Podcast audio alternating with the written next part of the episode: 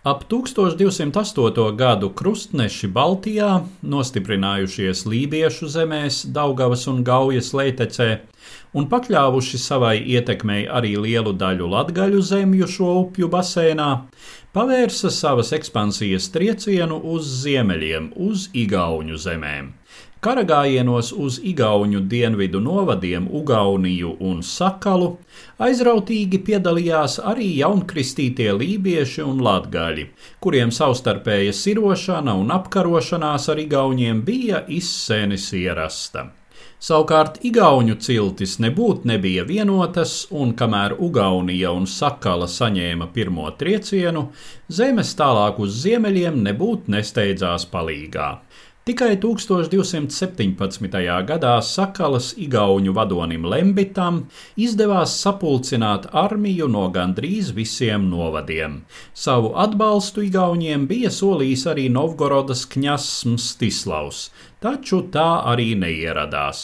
Savukārt Rīgā un Cēsīs par draudošajām briesmām uzzināja ātri un pret Igauniem devās zobenbrāļu bruņinieku un no Eiropas iebraukušo krustnešu armija, kuru vadīja ordeņmestrs Folkvins un bīskaps Bernhards no Lippes, un kurai pievienojās arī latgaļu un lībiešu kontingenti.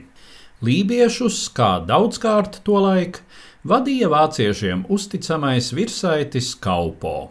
Abi karaspēki sastapās netālu no Vīlandes svētā Mateja dienā jeb Matīsos 1217. gada 21. septembrī. Visizsmeļošākās ziņas par Svētā Mateja dienas kauju savā kronikā sniedz Livonijas Indriķis. Ja ticam viņa vēstītajam, Igauniem bijis divkāršs pārsvars, viņu bijis 6000 pret 3000 iebrucēju. Tomēr izšķirošā izrādījusies vācu kara prasme. Viņu kontingents sagrāvis Igaunu centru, un tad arī Igaunu labais flanks, pret kuru cīnījušies latgaļi, atkāpies.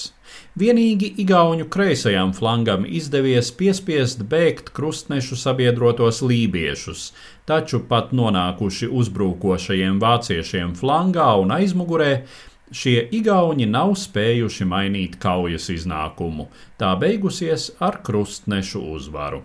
Igauņu vadonis Lembits un vairāki citi virsaiši kaujā krituši.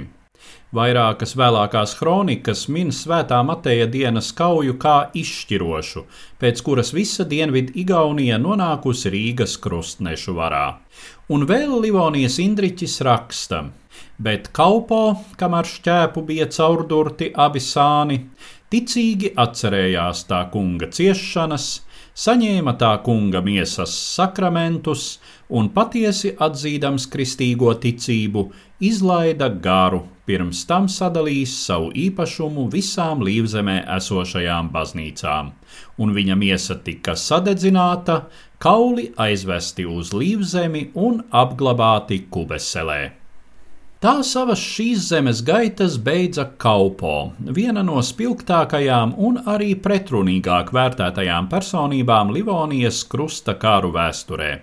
Vērtējumu amplitūda ir visplašākā no nodevēja, kas personisku varas ambīciju vadīts, kalpojis savu ciltsbrāļu paverdzinātājiem, līdz tālredzīgam politiķim, kurš apzinājies, ka Baltijas zemes neizbēgami nonāks vai nu Rietumē Eiropas katoļu vai Krievzemes pareizticības civilizācijas sfērā un veltīs savu mūžu rietumnieciskajai izvēlei.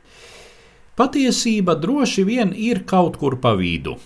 Noteikti ir zināms tas, ka 1203. gadā Kaupo kā vienīgais no tā laika Baltijas cilšu aristokrātijas ceļojis uz Romu un ticies ar pāvestu Innocentu III. Tāpat no Livonijas Indriča vēstītā izriet, ka savas dzīves atlikušos gadus pēc šī brauciena Kaupo pavadījis pastāvīgi karodams, gan par vāru paša novadā, gan par jaunās ticības izplatīšanu kaimiņu zemēs. Tas viss liecina par spēcīgu, neordināru personību, stāstīja Eduards Liniņš.